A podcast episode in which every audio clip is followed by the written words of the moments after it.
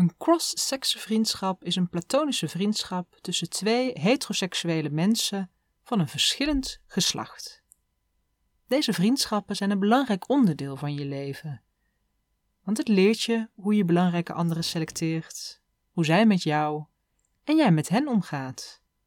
En daardoor bereiden ze je voor op romantische liefdesrelaties.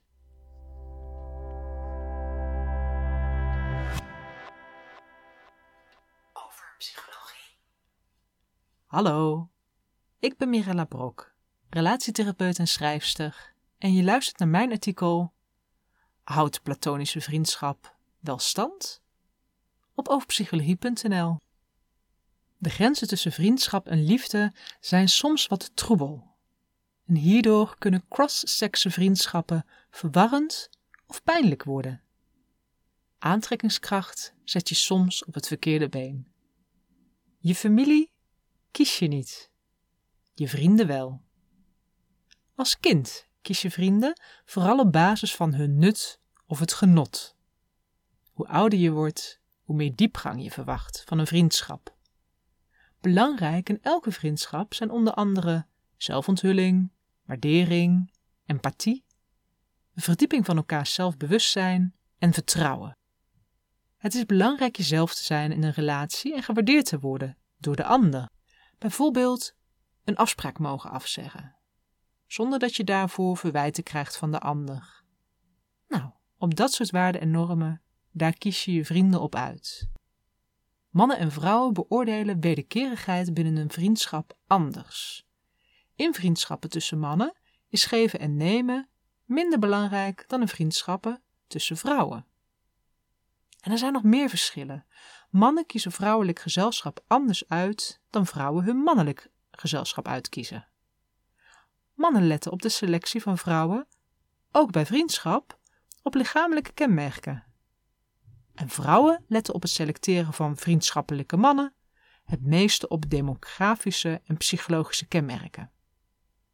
Deze selectiekenmerken gelden voor toekomstige partners, dates en zoals vermeld dus ook voor cross-sekse vriendschappen. Alleen is deze selectie bij cross-sekse vriendschappen minder streng dan bij partners en dates. Toch weet je maar nooit of je vrienden door een kleine verandering plotseling wel voldoen aan je eisen. Aantrekkingskracht in een vriendschap kan namelijk met de tijd veranderen. En soms ontwikkelt vriendschap zich tot een liefdesrelatie.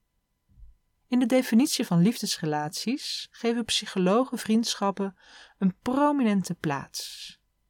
Er zijn veel overeenkomsten tussen platonische vriendschappen en de liefdesrelatie tussen een man en een vrouw. En dat maakt het moeilijk de relaties van elkaar te onderscheiden. En in die overlap zit ook meteen het antwoord. Vriendschap is een belangrijk onderdeel van romantische liefde. Echter, een romantische liefde bevat meer dan alleen vriendschap. Het bevat ook verliefdheid, optimisme, seks, verbintenis en commitment.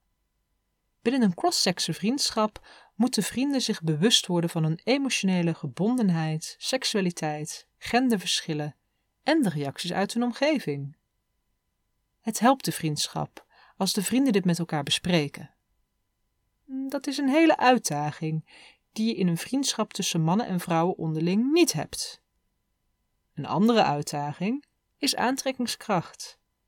De minst voorkomende in vriendschappen is romantische aantrekkingskracht.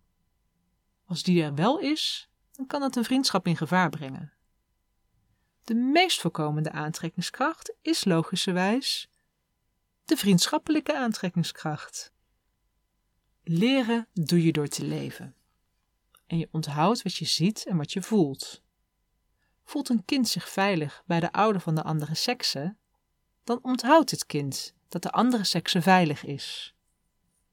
Plaagt een oudere broer zijn jongere zus, dan ligt deze kleine meid dat jongens plagen en dat het plagen minder wordt als zij zich dapper en met humor verweren.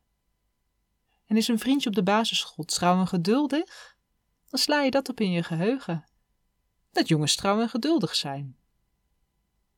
Vriendschappen leren je iets voor later. De relaties met de andere sekse vormen denkbeelden en gedrag.